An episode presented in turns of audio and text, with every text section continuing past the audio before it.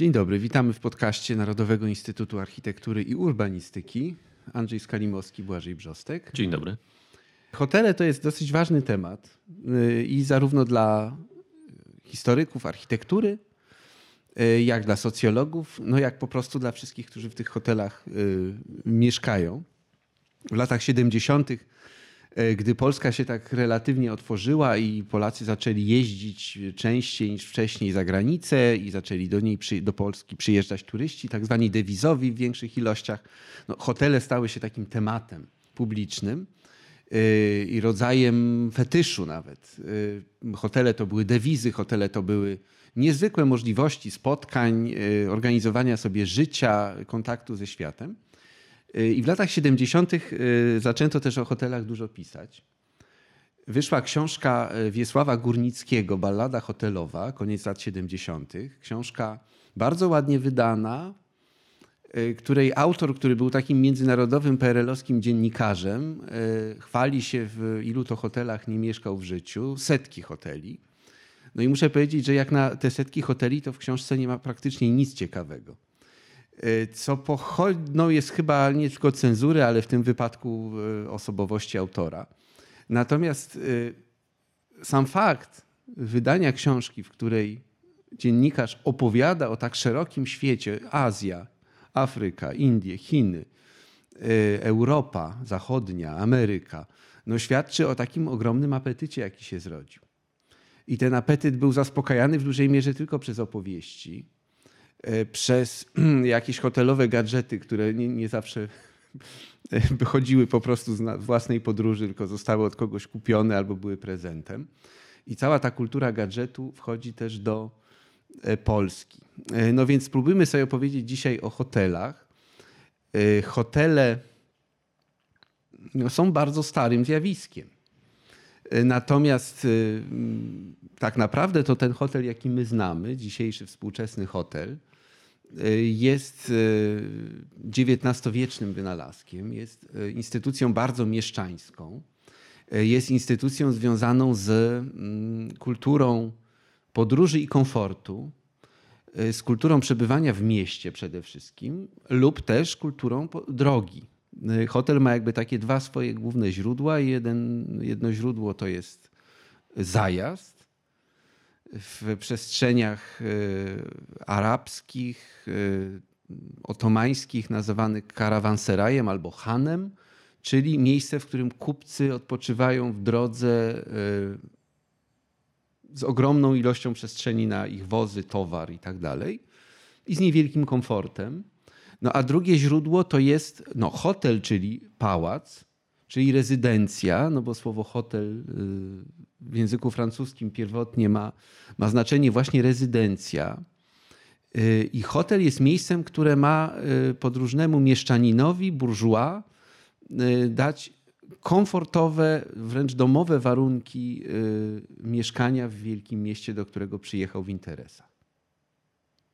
No i oczywiście to się słabo godzi y, z krajami y, odciętymi, krajami o reżimach, które nie lubią podróży, krajami o reżimach, które nie lubią własności prywatnej i mieszczaństwa. No a w takim właśnie reżimie znalazła się Polska po II wojnie światowej. Tak, no rozkwit w ogóle może nie tyle rozkwit, co początek, e, tak jak powiedziałeś, boomu na hotele i e, wszystko z nimi związane, to w Polsce ludowej głównie lata 70. Natomiast nie jest tak, że w Polsce powojennej nie było hoteli. One oczywiście były, pełniły zupełnie inną rolę, miały dużo gorszy standard, e, no ale też nie miały pełnić tej funkcji i roli, którą przypisano im w latach 70. Nie miały być oknem na świat. Przede wszystkim nie miały świadczyć o mieście, tu mam na myśli ludzi, którzy przyjeżdżają do Polski, a także nie miały pokazywać tego świata w domyśle no, zachodniego e, ludziom mieszkającym w Warszawie czy też w innych miastach, gdzie te hotele powstawały, bo one bardzo często pełniły rolę takich witryn, gdzie e, prezentowały się przedstawicielstwa zagranicznych linii lotniczych, można było się napić w kawiarni Coca-Coli i tak dalej. W związku z tym nawet nie mieszkając w tym hotelu, czy nie wyjeżdżając z miasta, no można było poczuć taką namiastkę tego innego, lepszego życia. Natomiast hotele w Warszawie, czy też w innych krajach e, bloku wschodniego mm, po wojnie miały się całkiem dobrze, ponieważ tak mi się wydaje przynajmniej, zwłaszcza w Związku Radzieckim, no jednak dochodziło do przemieszczania się ludności wewnątrz kraju. To było przecież olbrzymie państwo. W związku z tym ruch zarówno, no głównie przedstawicieli nomenklatury różnych urzędów, administracji, którzy przez ten, po tym kraju podróżowali, no oni gdzieś musieli się zatrzymać. I tutaj szczególnie chyba istotne było zjawisko, i to w Polsce widać w latach 40. i w początku lat 50., że jeżeli buduje się hotel, to buduje się hotel jednodniowy. Hotel, w którym się można zatrzymać, wykąpać, zdrzemnąć, ale nie nocuje się, nie mieszka się. E, takie hotele powstają w Białymstoku. Na przykład jeden z bardziej znanych hoteli, hotel Crystal, pierwotnie powstał jako hotel Żubr, zbudowany przy budynku Komitetu Wojewódzkiego, gdzie działacze z ościennych miejscowości mogli przyjechać do stolicy województwa, odbyć posiedzenie, Kurs, kursokonferencje, tak, tylko że te hotele, właśnie hotele partyjne, hotele specjalne, to nie są hotele w takim sensie tradycyjnym, prawda? To są owszem miejsca noclegu, ale one nie są otwarte. Tam się przyjeżdża z y, delegacją, y, tam się nie płaci w zasadzie, ponieważ to jest opłacone przez y, pracodawcę albo przez organizację, która nas zaprosiła, prawda? I komfort tych miejsc też był no, bardzo, bardzo zredukowany. To nie miało się kojarzyć z burżuazyjnym hotelem, tak jak w Białymstoku międzywojennym, hotel Ritz, mhm. prawda? Który no, co prawda tylko nazwą nawiązywał do francuskiego, do paryskiego hotelu słynnego, no ale jednak był Ritzem. Y, I w warunkach Białego Stoku, no takiego drewnianego jeszcze, prawda? Y, półwiejskiego można powiedzieć wtedy, ten hotel Ritz, no, którego budynek nawet nie przetrwał no, z bieżącą wodą, z elektrycznością y, był takim prawdziwym ricem. Słusznie, zresztą w ogóle e, sama nazwa hotel, przecież po wojnie hotele robotnicze, no nie było coś, co kojarzyło się z jakąś przestrzenią elitarną, luksusową. E, myślę, że to właśnie się zmienia w latach 60., 70., bardziej tak, 70. tylko że y, hotele robotnicze to bardzo specyficzna y, instytucja. Ja nawet nie jestem pewien, czy powinniśmy o niej rozmawiać w podcaście poświęconym hotelom, bo owszem, słowo hotel tam jest, ale to nie były hotele, to były noclegownie dla robotników, które były bezpłatne w dodatku w okresie planu sześcioletniego i w których się dostawało no, przydział na prycze y, od pracodawcy. I w związku z tym y, tam się po prostu spędzało czas poza pracą. Y, I tam nie było takiej infrastruktury hotelowej, jaką my kojarzymy. No chociażby, bo ja wiem, na miejscu się nie jadło, znaczy jadło się na, na łóżku coś tam z kiełbasę, kaszankę kupioną, piło się wódkę ale hotel to to nie był, prawda?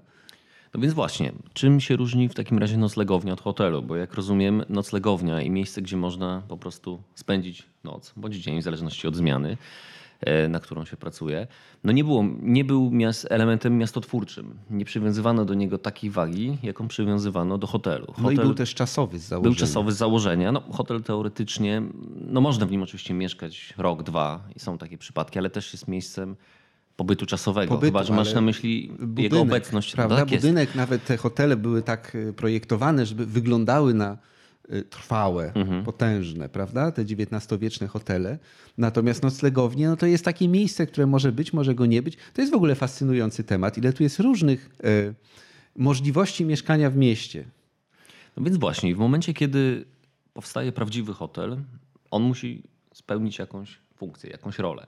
E, mówiliśmy o tym oczywiście, że jest w latach 70. oknem na świat, no ale wcześniej, z punktu widzenia planowania miasta, e, on przynajmniej, tak było zazwyczaj w założeniach, stoi w jakimś miejscu reprezentacyjnym przy głównej alei ulicy, jest jakimś punktem orientacyjnym. E, no to wydaje się oczywiste, prawda? Jeżeli ktoś przyjeżdża z innego miasta, zazwyczaj ten hotel jest w centrum albo w miejscu dobrze skomunikowanym. No i jaką on rolę pełni? Jaką on pełnił rolę po wojnie, bo na przykład hotel Bristol, który uchodził za dobry hotel przed wojną, chyba właściwie za hotel luksusowy, albo na pewno wyższej klasy, może nie luksusowy, ale wyższej klasy, e, po wojnie ulega, wydaje mi się, znacznej degradacji. No to zależy z czym porównać, prawda? Bo inne hotele znikają. Mm, no. Więc ten mhm. Bristol warszawski, bo mówimy o warszawskim hotelu Bristol 1901 wtedy najnowocześniejszy tego typu obiekt na ziemiach polskich, e, zbudowany ze wszystkimi możliwymi wtedy nowoczesnymi urządzeniami i automatyczną pralnią, i telegrafem, i windami, i także znakomitym wyposażeniem kuchni. To wszystko było zresztą wyprodukowane, sprowadzone z Wiednia, z zachodu.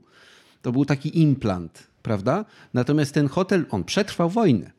Więc to jest bardzo znaczące. Mnóstwo hoteli nie przetrwało. Były takie dwa słynne hotele e, warszawskie zaraz po wojnie. No to Polonia przede wszystkim, która też przetrwała. I Polonia jest w latach 45-46 miastem w mieście. Tam e, się dyplomaci. lokują ambasady, tam mieszkają dyplomaci, tam mieszkają właściwie wszyscy istotniejsi goście, którzy przyjeżdżają do miasta zrujnowanego Y, tam, y, tam, tam się przedziwne rzeczy dzieją. Y, jest dokumentacja w zbiorach archiwum aktnowych z Komisji Specjalnej do Walki z Nadużyciami i Szkodnictwem Gospodarczym dotycząca hotelu Polonia. Iluż tam było aferzystów, ile tam się rozmaitych przekrętów robiło. No i ten słynny Pucybut, który no, okupował miejsce przed wejściem i który z tej okropnej Warszawy, po której się chodziło z centymetrową warstwą kurzu na butach, sprawiał, że jak się weszło do hotelu, to się było eleganckim mężczyzną. Więc to był e, hotel, zresztą to być może jest kwintesencja eleganckiego hotelu. Hotel jest częścią miasta, reprezentuje miasto wobec gości, ponieważ goście standard hotelu utożsamiają ze standardem cywilizacji miasta. W każdym razie mają ulec takiemu złudzeniu. Stąd w miastach chaotycznych, brudnych, e, przedziwnych, e, pełnych ubóstwa wspaniałe hotele. A z drugiej strony hotel e, nie reprezentuje tego miasta wcale, ponieważ jest miejscem z założenia e, ekskluzywnym. Do hotelu nie wpuszczą byle kogo. Przed hotelem stoi i pilnuje wejścia e, portier w Liberii, więc tam, tam nie podchodź. I ten hotel Polonia w warunkach Warszawy 1945 roku jest takim właśnie miejscem. A Bristol był hotelem wtedy drugorzędnym, aczkolwiek no, nie było lepszych. No tak, bo jeszcze hotel europejski nie był odbudowany wówczas. Nie był i nie będzie długo, bo on był odbudowany przez Pniewskiego na Akademię Wojskową Akademię tak Polityczną. Jest. Zresztą przebudowany, w środku tak. zbudowana sala gimnastyczna do piłki nożnej. Bardzo ciekawy w ogóle e, wątek, ponieważ ten hotel powrócił w ostatnich latach. W trochę zmienionej formie, w atmosferze kontrowersji. No niemniej powrócił Z takim na mapę. kaszkietem nałożonym, e, zielonym na górę. No, tak zwaną nawarstwioną E, epoką. E, ale hotel Bristol staje się miejscem e, przede wszystkim, może nie sam hotel, co jego restauracja, bo to też jest niezwykle istotne. Parter hotelu, no zazwyczaj parter, później to się zmienia, są to też piętra, ale parter hotelu właściwie jest wyłączoną częścią, ponieważ ona jest no może nie ogólnodostępna, ale na pewno bardziej dostępna niż piętra mieszkalne. W związku z tym to życie miasta, które się ogniskuje wokół hotelu przy ulicy, no ono dociera do budynku właśnie poprzez parter. I restauracja w Bristolu, e, w odróżnieniu do przedwojennej restauracji i cukierni, są przecież te opowieści, relacji dzieci, które patrzyły przez e, szybę na e, wypieki prezentowane w cukierni Bristolu. No po wojnie ta restauracja nie jest takiej klasy. To Można w ogóle tam... nie jest restauracja, bo to w 50 roku zamieniono w coś, co nazwano gospodą ludową. I w ogóle była wtedy taka próba Y, rewolucyjna próba y, usunięcia takich oznak świata burżuazyjnego, więc y, postanowiono likwidować w ogóle restauracje i wprowadzać gospody ludowe. To polegało na, nie tylko na tym, że tam były proste dania i był zawsze tak zwany obiad popularny, który można po stałej cenie, który każdy obywatel no, teoretycznie miał szansę zjeść ale tam nawet dawano y, takie bilety dla studentów Uniwersytetu Warszawskiego, żeby oni chodzili tam jadać. I to były wspomnienia pewnego pokolenia studentów, którzy na początku lat 50. jadali w Bristolu. Takie to były czasy. No tylko, że gospoda ludowa jeszcze zakładała zmianę relacji między klientem a kelnerem. Po pierwsze, y, na karcie było napisane, że przyjmowanie napiwków uwłacza godności człowieka pracy, w związku z tym napiwków ma nie być. A po drugie, y, nie ma dysproporcji statusu między gościem a kelnerem, to znaczy, innymi słowy, kelner jest takim samym obywatelem jak, y, no, jak ty, który siedzisz i jesz. To są lata 50. E, powstaje wówczas w Warszawie, chciałem powiedzieć jeden hotel, ale ich powstaje więcej. Powstaje, czy właściwie zostaje przebudowany, odbudowany ale właściwie jest budowany na nowo, bo zostaje tylko konstrukcja. E, gmach przedwojennego prudencjalu, symbol Warszawy powstańczej, e, uwieczniony na fotografiach, kiedy jest bombardowany. On zostaje w latach 50., w początku lat 50. odbudowany w kostiumie socrealistycznym, zresztą przez jego autora, przez swojego autora Marcina Weinfelda. Konstrukcja była Stefana Bryły, natomiast architektura Marcin Weinfeld. A Bryła praktykował na nowojorskich budowlach wysokościowców stalowych. W związku z tym wiedział, jak zrobić konstrukcję. Pewnie nie przewidywał już, chociaż może spodziewał się, że prędzej czy później będzie jego budynek poddany takiej próbie. No niemniej przetrwał jako jeden z nielicznych. E, I po wojnie został odbudowany właśnie na hotel, na hotel Warszawa. E, co też było bardzo symboliczne, ponieważ przedwojenny Prudencjal oczywiście był siedzibą zagranicznego Towarzystwa Ubezpieczeniowego, ale na swoim szczycie miał luksusowe apartamenty. Zresztą w czasie okupacji również tam wysokiej rangą, wyso, e, wysocy rangą urzędnicy niemieccy mieszkali.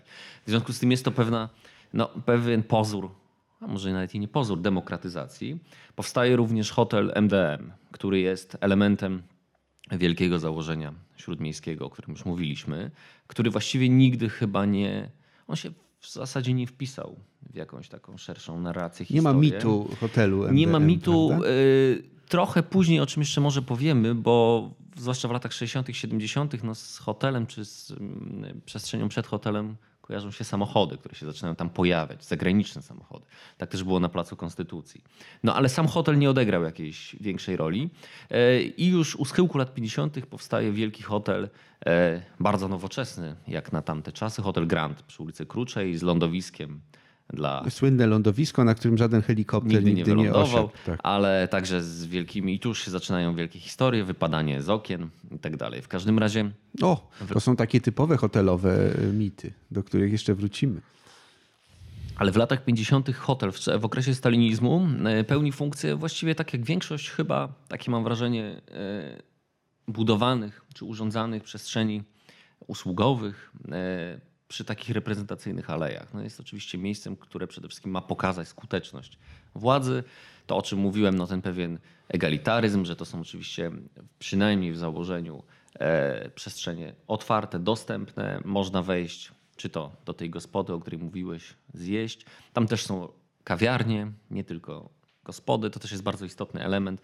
E, czasem się pojawiają sklepy. Nie wiem, czy w latach 50., tak. E, ale Później, tak zwane dewizowe sklepy. Później na pewno. Mhm. E, no to oczywiście są także, o czym, o czym warto wspomnieć, może niekoniecznie rozwijać, chociaż to w przypadku lat 70. będzie istotne, no miejsca pod chyba wzmożoną, jeżeli tak w ogóle można powiedzieć, obserwacją, inwigilacją służb, ponieważ mm, miejsce, w którym jest duża rotacja gości z różnych miejsc, no, siłą rzeczy musi być pod szczególnym nadzorem. O tak, i tu można powiedzieć o fenomenie y, jednego pensjonatu, bo to był formalnie pensjonat, a nie hotel, w Warszawie przy ulicy Zgoda, zbudowany y, pod koniec lat, na przełomie lat 50. i 60.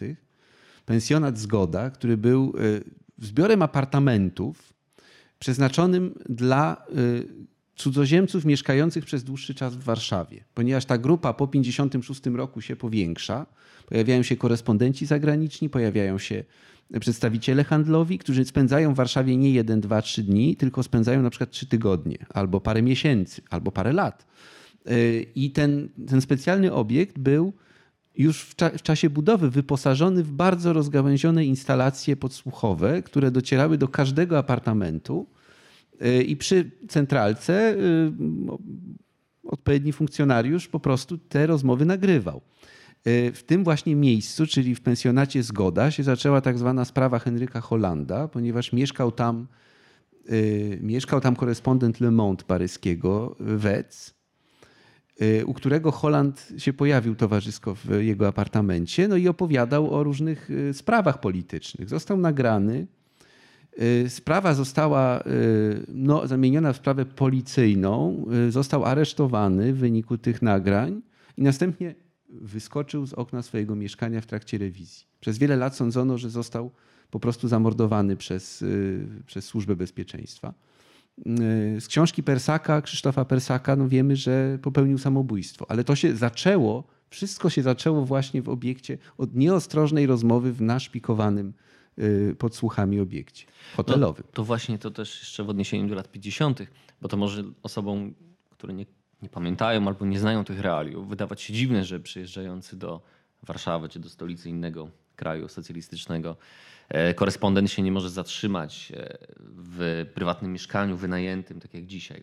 E, to był też celowy zabieg, prawda, że ludzi, którzy przyjeżdżali, władze, zwłaszcza w Rosji, w Moskwie, lokowali w hotelach. No mam tu na myśli hotel Lux, który też znowu ma nazwę hotelu, być może mylącą, no ale jest miejscem, gdzie się różnych, w tym przypadku działaczy partyjnych z innych krajów umieszcza i w ten sposób można mieć ich pod kontrolą i obserwacją. W momencie, kiedy oni by się rozjechali po mieście, zatrzymywali się w prywatnych mieszkaniach, no, kontrola nad nimi byłaby utrudniona. W związku z tym te hotele pełnią też rolę takich właśnie kolektywnych miejsc, gdzie, gdzie ludzie z zagranicy, czyli z założenia podejrzani, e, nawet tak. jeżeli przyjeżdżają z bratniego kraju, no to i tak są podejrzani, ponieważ są obcy. E, oni się mogą zatrzymać. I to jest, wydaje mi się, że poza taką rolą właśnie e, miejsca, gdzie się zatrzymać mogą osoby podróżujące wewnątrz kraju, to taką rolę pełnią w latach 50. hotele dla gości. No i to są też takie złote klatki które ich izolują od rozmaitych problemów, na przykład problemów z zaopatrzeniem. To będzie zresztą coraz wyraźniejsze z biegiem lat i gdy mówimy o hotelach na przykład lat 70., które już muszą spełniać na przykład standardy międzynarodowych sieci, bo to jest bardzo ważna zmiana, prawda? Hotele lat 50., 60., no to są hotele prowadzone przez przedsiębiorstwa państwowe, polskie, przez Orbis, te najlepsze, które y, no, usiłują naśladować wzory y, hotelarstwa międzynarodowego, ale usiłują. Mhm. Natomiast hotele lat 70. muszą, ponieważ należą do sieci. Te najlepsze hotele, krakowski e, Holiday Inn, otwarty w 76. E, hotele Forum w Warszawie z lat 70., w Krakowie z lat 80., hotel Victoria w Warszawie. To są wszystko hotele prowadzone przez sieci międzynarodowe z międzynarodowym sposobem zamawiania miejsc i one muszą po prostu odpowiadać standardowi. E, w hotelu Interkontynentalu w Krakowie czy Holiday Inn ma się z zasady mieszkać dokładnie tak samo wygodnie jak w tym hotelu w Wiedniu y, czy y, powiedzmy w Paryżu, prawda? To wytwarza sytuację odcięcia tych hoteli od rzeczywistości zewnętrznej. Zgadza się, ale to zanim przejdziemy jeszcze do lat 70., ja bym w dwóch słowach wspomniał o latach 60. i e, nie wiem, czy można powiedzieć rozkwicie, czy renesansie zjawiska, zwłaszcza na, mam na myśli tutaj góry, okolice Zakopanego, zjawiska pensjonatów, e, bo to jest przecież po roku 56, e, kiedy no właśnie, jak to było? Czy w latach 50. można było prowadzić prywatny pensjonat w Zakopanem? Czy to dopiero wraca po roku 50? Można było prowadzić, można było, tylko one były stale zagrożone domiarami podatkowymi. Zresztą trudno było nie prowadzić, bo jednak apetyt na spędzanie y, czasów w górach i nad morzem był ogromny wśród elit, wśród inteligencji i ona sobie szukała miejsc u gospodarzy, moim zdaniem w ogromnej mierze po prostu w szarej strefie, nielegalnie, ale to funkcjonowało, kwitło nawet. Po 56 się pojawia też jedna nowa możliwość, to znaczy y, legalnego wynajmowania miejsc u osób prywatnych. I to także świadczy te usługi e, Orbis na przykład dla cudzoziemców, e, oferując im pokoje. Oczywiście to jest wszystko e, nadzorowane na ile można. Ale z książki Jerzego Kochanowskiego o Zakopanem wynika, że ten nadzór był fikcyjny, że Zakopane było pełne półlegalnych, nielegalnych y, miejsc noclegowych, miejsc noclegowych o ukrytych obrotach oczywiście. Podobnie było z y, knajpami. Y, w zasadzie, jak twierdzi Kochanowski, Zakopane zostało sprywatyzowane. Bo mówimy o Warszawie, mówimy o dużych miastach. To jest oczywiste, ponieważ e, tutaj przyjeżdżają ci goście, e, tak jak mówiłem, przedstawiciele różnych przedsiębiorstw, firm. To jest istotne, bo w latach 70. przecież Polska w ramach tej nowej polityki e, inwestycyjnej i tego gierkowskiego rozdania no, nawiązuje kontakty e, czy próbuje nawiązywać kontakty ze światem zachodnim. W związku z tym pojawiają się goście za żelaznej kurtyny. E, I gdzieś trzeba ich ulokować. I pojawia się problem w początku lat 70. i to rzeczywiście wynika z dokumentów partyjnych, że Warszawa, ale nie tylko, właściwie żadne miasto w Polsce nie ma hotelu, czy nie ma takiego miejsca, które by spełniało te kryteria, o których mówiłeś. Kryteria, które pozwoliłyby wejść do międzynarodowej sieci, przeważnie to był Intercontinental, W związku z tym należy taki hotel zbudować. On gdzieś musi powstać.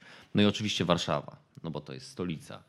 E, chociaż dyskutowano nad tym, pierwsze, pierwsze przymiarki czy plany e, nie wykluczały także Krakowa jako takiego miejsca, w którym e, powstanie hotel, ale stanęło na Warszawie. E, no i pierwszym właściwie takim nowoczesnym po hotelu Grand e, hotelem był hotel Forum, który powstał, w 70, otwarto go w 1974 roku, ale rozpoczęto budowę w 1971 i on nie był zbudowany przez Polaków. Y, Tak jak gdyby hasło Polak potrafi nie odnosiło się do hoteli. Polak potrafi zbudować wielką hutę, Polak potrafi zbudować nawet trasę szybkiego ruchu, potrafi zbudować dworzec centralny w Warszawie, imponujący, ale jednak hotele. Hotele to jest tak delikatny temat, tak trudna operacja, tak bardzo brakuje doświadczeń kadry odpowiedniej. Y, I poza wszystkim hotele są maszynami do zarabiania dewiz, że opłaca się kupić taki gotowy hotel pod klucz. Niech przyjadą firmy zagraniczne, niech zrobią swój plac budowy. W tym wypadku to byli Szwedzi. I niech zbudują nam hotel, który my potem spłacimy y, poprzez no, czerpanie korzyści z zysk. ruchu, prawda, z ruchu y, gości. I taka była geneza hotelu Forum, ponieważ polski przemysł budowlany, czy polski przemysł inwestycyjny, jak to wówczas nazywano, nie był w stanie wyprodukować, bo to już w, tych, w, ty, w tym okresie można mówić o produkcji, nie był w stanie wyprodukować takiego hotelu. E, pomimo tego, że polscy architekci oczywiście byli w stanie go zaprojektować, to nie dało się go wykonać. Potrzebne było Tak, przedsiębiorstwo. w, tu w tym wypadku jeszcze mamy do czynienia z architektem szwedzkim. architektem szwedzkim, który zaprojektował e, czy zaproponował budynek, no wówczas chyba taki najbardziej popularny na, w Europie Zachodniej, e, czyli w duchu w drugiej fali modernizmu, e, o prostej architekturze, e, no, który przede wszystkim rzeczywiście tutaj no, powracał do tego założenia jednak prymatu funkcji nad formą. E, I, polski, I polskie przedsiębiorstwa nie były, to zresztą było raportowane, nie były w stanie wytworzyć, jakby wyprodukować elementów potrzebnych do zbudowania tego No bo hotelu. były nastawione na masowe budownictwo mieszkaniowe, Mieszkaniowe. Budownictwo przemysłowe. wyłoniono w formie takiego quasi konkursu e, firmę szwedzką, Skanska, e, która oczywiście dysponowała odpowiednią technologią, zapleczem, no i siłą fachową. E, I Szwedzi zbudowali ten hotel, ale to nie jest tak, że oni przyjechali, zbudowali i wyjechali. To oczywiście tak nie, nie działało. Ten hotel został, czy był budowany na kredyt, tak jak wspomniałeś, z założeniem, że z wypracowanego zysku zostanie spłacony i tak też się stało. Natomiast tak jak w przypadku Pałacu Kultury i Nauki, który był budowany przez Sowietów, e, a jednocześnie był takim poligonem doświadczalnym, gdzie polscy fachowcy mieli się przyglądać i uczyć, żeby później byli w stanie sami zbudować. Powstała Wielka Stacja Badawcza Polskiej Akademii Nauk. Tak w przypadku hotelu Forum, również polscy architekci, e, w mniejszym stopniu niż później przy Wiktorii, no ale byli w ten projekt zaangażowani. I tutaj no, musi paść nazwisko Zygmunta Stępińskiego, który nie brał bezpośredniego udziału w projektowaniu hotelu Forum, natomiast był w Szwecji, został wysłany czy zaproszony przez Szwedów do Malmę, gdzie odbył coś na kształt stażu w firmie Skanska. I pamiątką po tym stażu jest, czy był, bo już nie istnieje, hotel Solec, który powstał na Powiślu. I co ciekawe, on powstał właśnie z uwagi na to, że Polska czy Warszawa nie dysponowała żadnym hotelem, w którym mogłaby się zatrzymać kadra kierownicza, która była odpowiedzialna za budowę e, hotelu Forum i innych obiektów. Po prostu Szwedzi mieli takie wymagania, które w Polsce one prawdopodobnie jak na warunki europejskie były, były przeciętne. Natomiast żaden hotel w Polsce nie dysponował, w Warszawie nie dysponował takimi. Czyli hotel zbudowany po to, żeby y, kierownictwo budowy innego hotelu miało gdzie mieszkać. Tak, i to jest paradoks, a może nie. Właśnie być może to jest symptomatyczne dla, dla tamtej gospodarki, że hotel robotniczy, bo to tak naprawdę był hotel robotniczy, no nie w tym rozumieniu, co, o którym mówiłeś, ale hotel dla robotników szwedzkich, później stał się hotelem klasy międzynarodowej w Warszawie. E, No to miało też y, inny aspekt, to znaczy miało tych pracowników zachęcić po prostu do wyjazdu do Warszawy, o której mieli jak najgorsze wyobrażenia. No i z ich punktu widzenia no, standard życia w Warszawie y, był raczej przerażający. Y, Są zresztą na ten temat różne materiały, reportaże o tym, jak y, spędzali czas tutaj Szwedzi. W środowisku mało międzynarodowym. Były dwa, trzy kluby, do których mogli pójść się zabawić i z kimś tam pogadać po angielsku. Nie dochodziła szwedzka prasa, nie było telewizji zagranicznej. Oni włączali telewizory i mm, z wyłączonym dźwiękiem patrzyli na ekrany, więc ten pobyt był raczej mało atrakcyjny dla nich. Trudno się dziwić, że stworzono im taką ramę życia. Y, no tak, ale biorąc pod uwagę stronę finansową, no to, tak. Y, to było niezwykle w gruncie rzeczy lukratywne. No to, to, się tak. wydaje bardzo dziwne, prawda, że obywatel Szwecji przyjeżdża do kraju socjalistycznego, no ale jemu płacono według stawek międzynarodowych. Oni przyjeżdżali, ponieważ przeciętny robotnik był w stanie zarobić dwukrotność swojej mhm. pensji w Szwecji. E, tak jak powiedziałeś, im stwarzano, czy próbowano stworzyć warunki. Oni pierwotnie mieszkali w tym hotelu, natomiast Szwedzi zostali, oni byli w Polsce prawie do końca lat 70. Nie, nie tylko budowali hotel Forum, budowali mhm. później hotel Victoria, biurowce różnego rodzaju, także takie osiedla mieszkaniowe e, i w jednym z nich na Bielanach zamieszkali. E, I tam rzeczywiście wytworzył się coś na kształt takiej szwedzkiej dzielnicy. Kolonii, tak. Kolonii. E, I to było opisywane przez między innymi e, reportażystę polityki, który pojechał tam i podpatrzył, jak oni żyją. E, no, to jest oczywiście inny temat, można, można było o tym długo opowiadać, to niezwykle ciekawe. Przede wszystkim problem alkoholu. Ci, którzy przetrwali pierwsze dwa tygodnie, właściwie takiego no, bezustannego picia, bo trzeba wspomnieć, że Szwecja wówczas i do dzisiaj jest krajem no, częściowej prohibicji, krajem, który praktycznie na początku XX wieku, e, no nie chcę powiedzieć, że zapił się na śmierć, ale niewiele brakowało. Wprowadza, zabrakło naprawdę niewiele do wprowadzenia całkowitej prohibicji. I w związku z tym alkohol był i jest bardzo drogi. W Polsce ten alkohol był za bezcen przy ich dochodach można było. No trudno też było właśnie robić coś innego. I ci, którzy wytrwali przez pierwsze prawda? dwa tygodnie e, i zostali, no to już zostawali w Polsce. Inni o słabszym charakterze wracali do, do Szwecji. I tu próbowano im stworzyć cały system. Oni mogli wysyłać dzieci do szkoły przy ambasadzie amerykańskiej. Próbowano ich zachęcać, żeby sprowadzali rodziny. To się nie udawało. To byli przeważnie kawalerzy, którzy... No i tak się e, kawaler... odtwarza świat hoteli robotniczych tak się lat 50. świat hoteli, ale z drugiej strony ci Szwedzi byli, podobnie tak jak te hotele, jednak oknem na świat dla mieszkańców tak. Warszawy, którzy oglądali postępy prac w centrum Warszawy. Są te zdjęcia, gdzie warszawiacy wiszą na parkanach i patrzą jak Szwedzi w tych granatowych kombinezonach no, wznoszą wielki Ogromny hotel, tak. E, w centrum Warszawy, która w latach 60. czy początku lat 70. jest znowu placem budowy, czy jest cały czas placem budowy, bo to jest obok ściana wschodnia, nieskończona nigdy.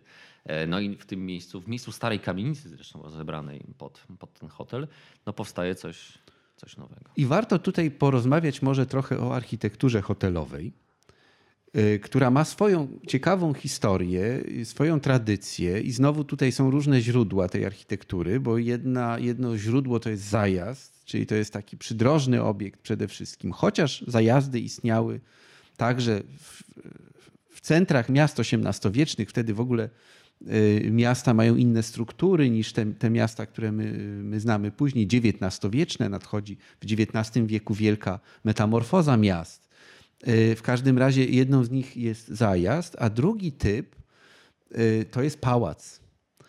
E, pałacowe hotele, nawet z taką nazwą Palace, prawda, bardzo często w XIX-XX wieku, to są hotele reprezentacyjne, które mają onieśmielać swoją głównie eklektyczną, potem secesyjną architekturą, bardzo bogatą. Mają tworzyć wrażenie splendoru, mają też ogromne sale balowe często, y, wielkie sale bankietowe mają no, przeróżne atrakcje, które mają sprawić, że życie w takim hotelu jest życiem pałacowym, o skali pałacowej. Te wielkie schody z czerwonym dywanem, ze szpilami i tak dalej, wielkie restauracje, lobby hotelowe y, i obsługa w Liberiach, to wszystko ma stwarzać wrażenie no dla kogo? Przede wszystkim dla zamożnych, y, przyjezdnych, dla mieszczan. I tutaj hotel jest jakby ilustracją takiej historycznej zmiany, jaka nastąpiła w XIX wieku, ponieważ e, zmienił się charakter kontaktów międzyludzkich. E, w rzeczywistości wcześniejszej zamożny człowiek przyjeżdżający do miasta e, przeważnie był goszczony przez albo swoich znajomych, albo rodzinę. Podróżowali ludzie z wyższych sfer, z elit którzy mieli wszędzie rozmaitych przyjaciół, krewnych i kultura goszczenia do, we własnym domu, właśnie w, w czymś, co nazwano hotelem, czyli takiej miejskiej rezydencji e, szlacheckiej, ta kultura w Europie XVIII wieku jest rzeczą oczywistą. I wielkie mieszczaństwo XIX wieku wprowadza nowe zasady, mianowicie e, dość ścisły rozdział między przestrzenią prywatną a przestrzenią publiczną oddala się od siebie miejsce zamieszkania i miejsce pracy i także oddala się, czy zostaje bardzo zredukowana sfera tego, tej gościny, która wcześniej należała do, y, do oczywistych elementów stylu życia elit. Że my gościmy u siebie w domu. Bez końca. No, szlachcice polscy to w ogóle mieli rezydentów w swoich dworach, którzy tam mieszkali przez całe życie.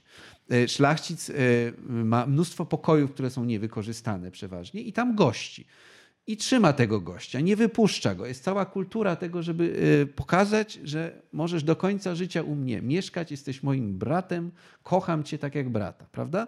XIX wiek i mieszczaństwo, y, które zaczyna no, odgrywać czołową rolę w społeczeństwie, zmienia te zasady radykalnie. I tu pojawia się hotel. W hotelu zamożny człowiek, zamożny mieszczanin mieszka, odwiedza swoich y, kontrahentów, partnerów, znajomych, ich mieszkaniach, ale w sposób bardzo rytualny, przy stole, przy obiedzie, w smokingu, w palarni, na fotelach klubowych, a potem wraca do swojego hotelu. Bo to jest jego sfera prywatna, która staje się w tym momencie sferą jakby publiczną, prawda? Hotel jest miejscem łączącym w przedziwny sposób funkcje publiczne i prywatne. To znaczy hotel dba o to, żeby być miejscem publicznym, ale zarazem dba o to, żeby jego goście mieli jak najwięcej prywatności. Żeby im nie przeszkadzać, żeby mieli komfort. I ten komfort jest podstawowym wyzwaniem.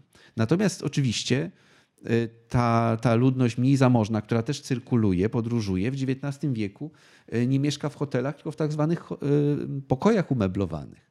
To jest zjawisko. Po prostu można to porównać trochę z dzisiejszymi hostelami. To są mieszkania w kamienicach, które są wynajmowane na dni albo nawet na godziny, albo nawet tylko na łóżka. Y, o standardzie bardzo różnym, bo niektóre pokoje umeblowane przypominają mieszkania, y, ale inne pokoje umeblowane przy, przypominają potworne noclegownie, y, gdzie jest 10 łóżek w pokoju i śpi na tych łóżkach nawet więcej niż 10 osób. No i to jest rzeczywistość miast międzywojennych, prawda? I teraz architektura hotelowa jest w związku z tym tradycyjnie architekturą pewnego splendoru, takiego mieszczańskiego splendoru. E, co się zaczyna zmieniać w modernizmie. Bo wtedy ta architektura po pierwsze zostaje jakby wyrwana przeważnie z linii ulicy, staje się e, bryłą osobną, staje się rzeźbą wręcz. Tutaj e, każdy, kto bywa w Krakowie, kojarzy taką bardzo ciekawą, na słupach osadzoną bryłę hotelu Forum który jest obecnie martwym, znaczy nie jest martwy, bo tam się różne y, rzeczy dzieją. Tam jest bardzo modna kuchnia, tam, tam są wystawy i tak dalej, ale Hotel Forum od 20 lat mniej więcej jest zamknięty. Y, I to jest taka bryła wolno stojąca, rzeźbiarska, która ekspresyjna, bardzo, bardzo późno modernistyczna. Prawda? I hotel przestaje niejako tworzyć pierzeje ulicy, przestaje być takim taką wielką, rozbudowaną kamienicą, tylko staje się formą osobną. Co ma jeszcze jeden aspekt, mianowicie e, sieci hotelowe, o czym możemy teraz porozmawiać, wielkie międzynarodowe sieci hotelowe, e, nabierają skłonności do powielania jednego wzoru. Ten hotel wygląda tak samo w każdym mieście i ma o to chodzić. I teraz chciałbym jeszcze kilka słów powiedzieć o obecności tych hoteli w kulturze masowej, bo zwłaszcza hotel Victoria, o którym mówię, w okresie rozkwitu tej kinematografii lat 70. i tej propagandy sukcesu, no staje się tłem, a nierzadko bohaterem no bardzo wielu filmów i seriali, gdzie właśnie to życie światowe, te, te pościgi milicyjne, wizyty różnych gości dzieją się w tym, w tym hotelu. Także to jest taka w gruncie rzeczy nieoczywista rola hotelu, w, mam wrażenie, w stolicy państwa socjalistycznego, no nie przewidziana do końca przez jego projektantów, bo chyba nie myślano o tym, że. No hotele od początku właściwie y, i nie tylko w Polsce, ale w ogóle jest y, mnóstwo hotelowych historii. Y, hotele są miejscem wielkich spisków, wielkich afer. Są miejscem spisków i historii szpiegowskich, kryminalnych, romantycznych, erotycznych, finansowych i wszelkich innych. I w związku z tym hotele się stały przecież terytorium y, opisywanym przez y, autorów powieści kryminalnych w XX wieku, filmów kryminalnych. Bardzo wiele filmów się zawiązuje albo kończy w hotelu. No, Wielki Szu na przykład, karciarz ze słynnego filmu świetnego z lat 80., ginie w hotelu Victoria. Y, hotele to jest przestrzeń rozmaitych zdarzeń z serialu 07 Zgłoś się. Hotele są pokazywane w filmach Barei. Wiktoria znowu w Co mi zrobisz, jak mnie złapiesz, y, gdzie ten hotelowy luksus jest y, no, pokazany jako y, element takich złudzeń, takich wielkich aspiracji. Czy ja mogę w tym pokoju jeszcze przez chwilę posiedzieć, pyta bohater, który tam został zaproszony przez kolegę, który ma duże możliwości, duże wpływy. Y, posiedzieć sobie w pokoju w hotelu Victoria. To jest mit, y, to jest marzenie prawdopodobnie wielu obywateli PRL, albo chociażby posiedzieć w kawiarni hotelowej. To też było opisywane. Wypić Coca-Colę. Wypić Coca-Colę, wypić piekielnie drogą kawę w hotelu Forum y, i popatrzeć na ten świat, który tam się przed oczami rysuje. Taki świat jakby z filmu, prawda?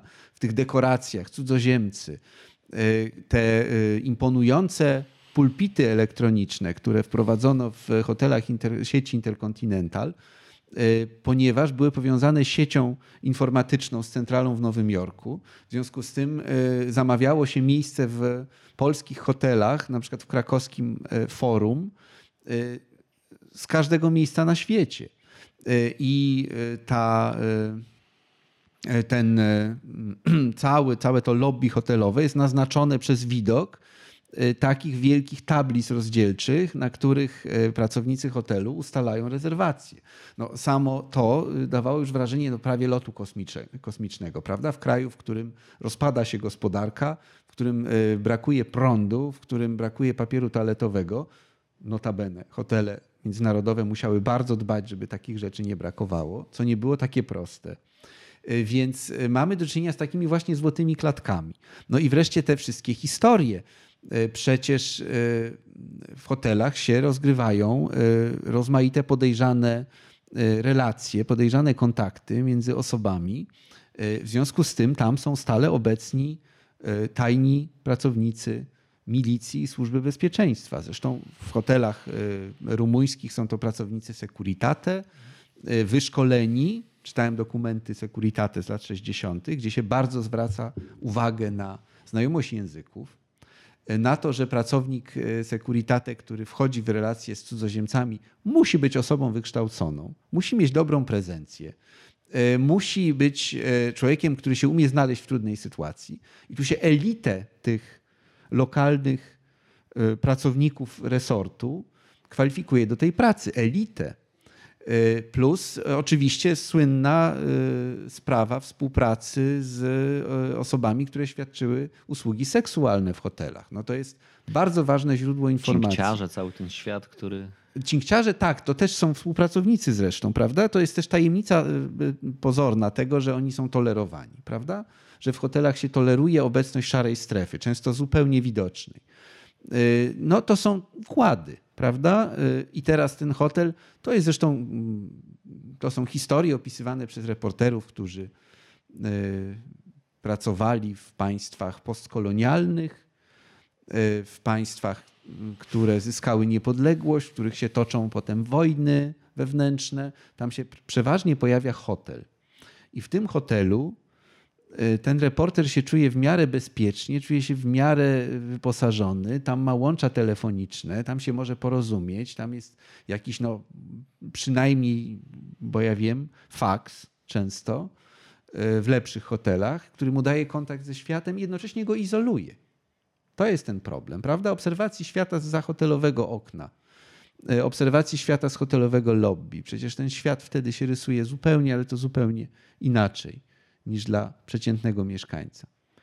No, przeciętny mieszkaniec prawdopodobnie w końcu lat 80. nie wie, że hotel Victoria, o którym mówimy, Oczywiście z miejsca, e, w którym lat temu jeszcze kilka można było napić się tej Coca-Coli, popatrzeć sobie na tę szarzyznę z tego kolorowego, tak. z tej kolorowej kawiarni popatrzeć na tę szarzyznę tego, na przykład zwłaszcza w stanie wojennym, placu Piłsudskiego, na którym, e, na którym stoją te wozy pancerne i właściwie no, mieć takie poczucie w tej ogólnej beznadziei i szarzyźnie, że gdzieś tam jeszcze ten lepszy świat istnieje. To w drugiej połowie lat 80. hotel Victoria staje się miejscem, gdzie dochodzi do styku rodzącego się biznesu i upadającej polityki. To jest miejsce, gdzie na basenie pływa e, sekretarz Rakowski, gdzie spotyka się z przyszłymi mm, biznesmenami, którzy znajdą się w latach 90. na liście 100 najbogatszych tygodnika wprost. E, to jest miejsce, gdzie, tak jak mówiłem, gdzie zostaje otwarte w 89 kasyno, gdzie może wejść każdy, oczywiście jeżeli ma dewizy, natomiast jest to ogólnodostępne kasyno. E, I hotel właściwie staje się takim miejscem, mm, które w latach 90. w okresie przełomu będzie miejscem, gdzie właśnie przyjeżdżają różni biznesmeni, różni e, politycy, biznesmeni, politycy, którzy tak. przywożą kapitał tak. i w gruncie rzeczy tak. no, prywatyzują. Możemy tak. oczywiście możemy dyskutować, no, ale robią wielkie interesy w tej e, w tym rodzącym się kapitalizmie. Hotel, hotel Victoria, zwłaszcza Hotel Victoria, staje się takim centrum biznesowym, gdzie właśnie w tym lobby, o którym mówisz, w tych pokojach można zawrzeć bardzo lukratywny kontrakt kupić coś za bezcen, czy też sprzedać.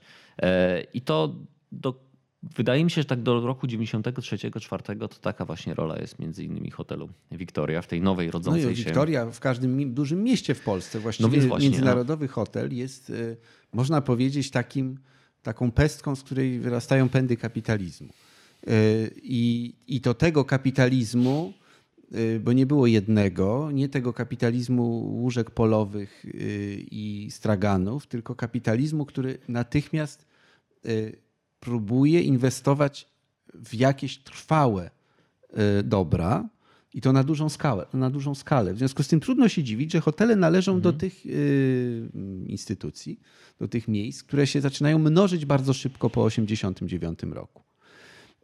I ten fenomen ma charakter zarówno wewnętrzny, jak zewnętrzny. To znaczy dla doświadczenia Polaków jest ważne nie tylko to, że w ich miastach te hotele pączkują. To jest w ogóle paradoks. No, mieszkaniec miasta w zasadzie nie bywa w hotelach w jego mieście, więc z jego punktu widzenia hotele są wyizolowane, prawda?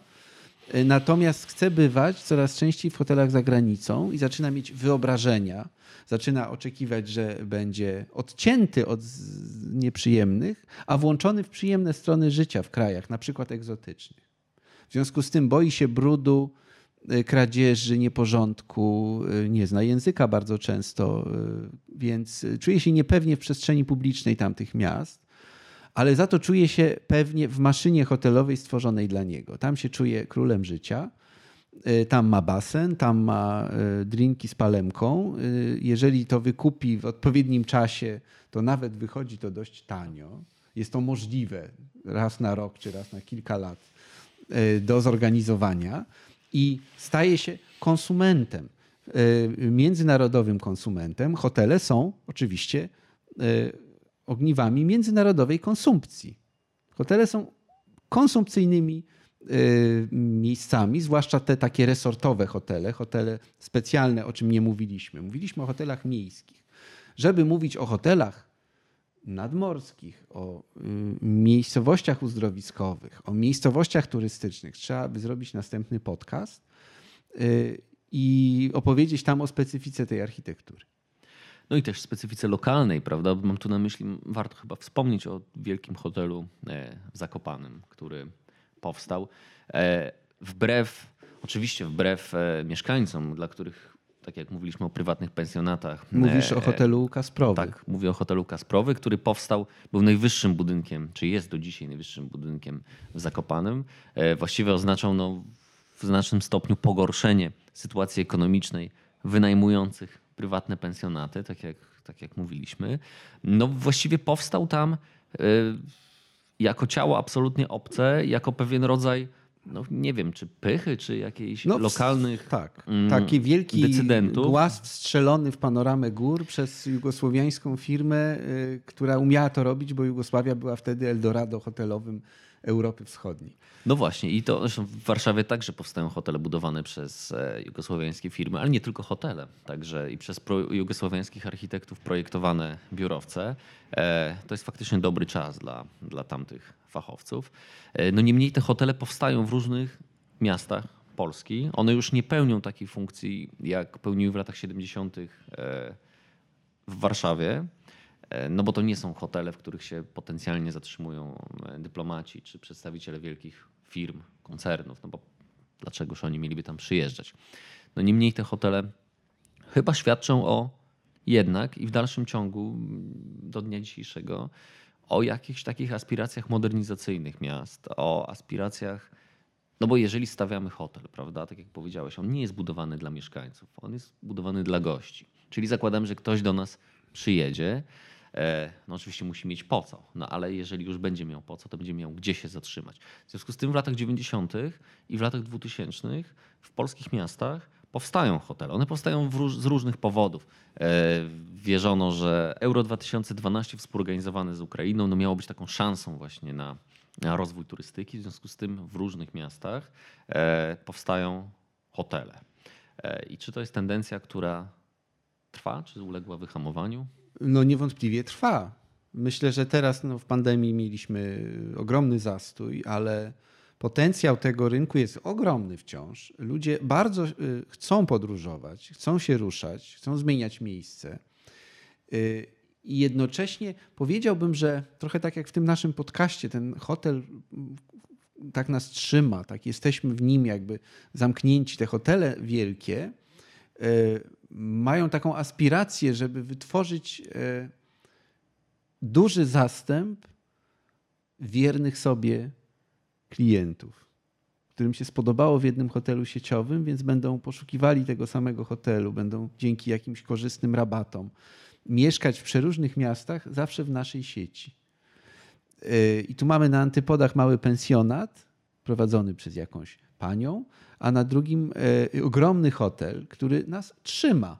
Nie wypuszcza nas, daje nam wszystko. Po co masz wychodzić? Masz i basen, i restaurację, i kawiarnię, i e, salę e, z projekcjami, no sale telewizyjne słynne kiedyś w hotelach, teraz to w każdym pokoju jest, ale są sale, w których się organizuje występy, koncerty.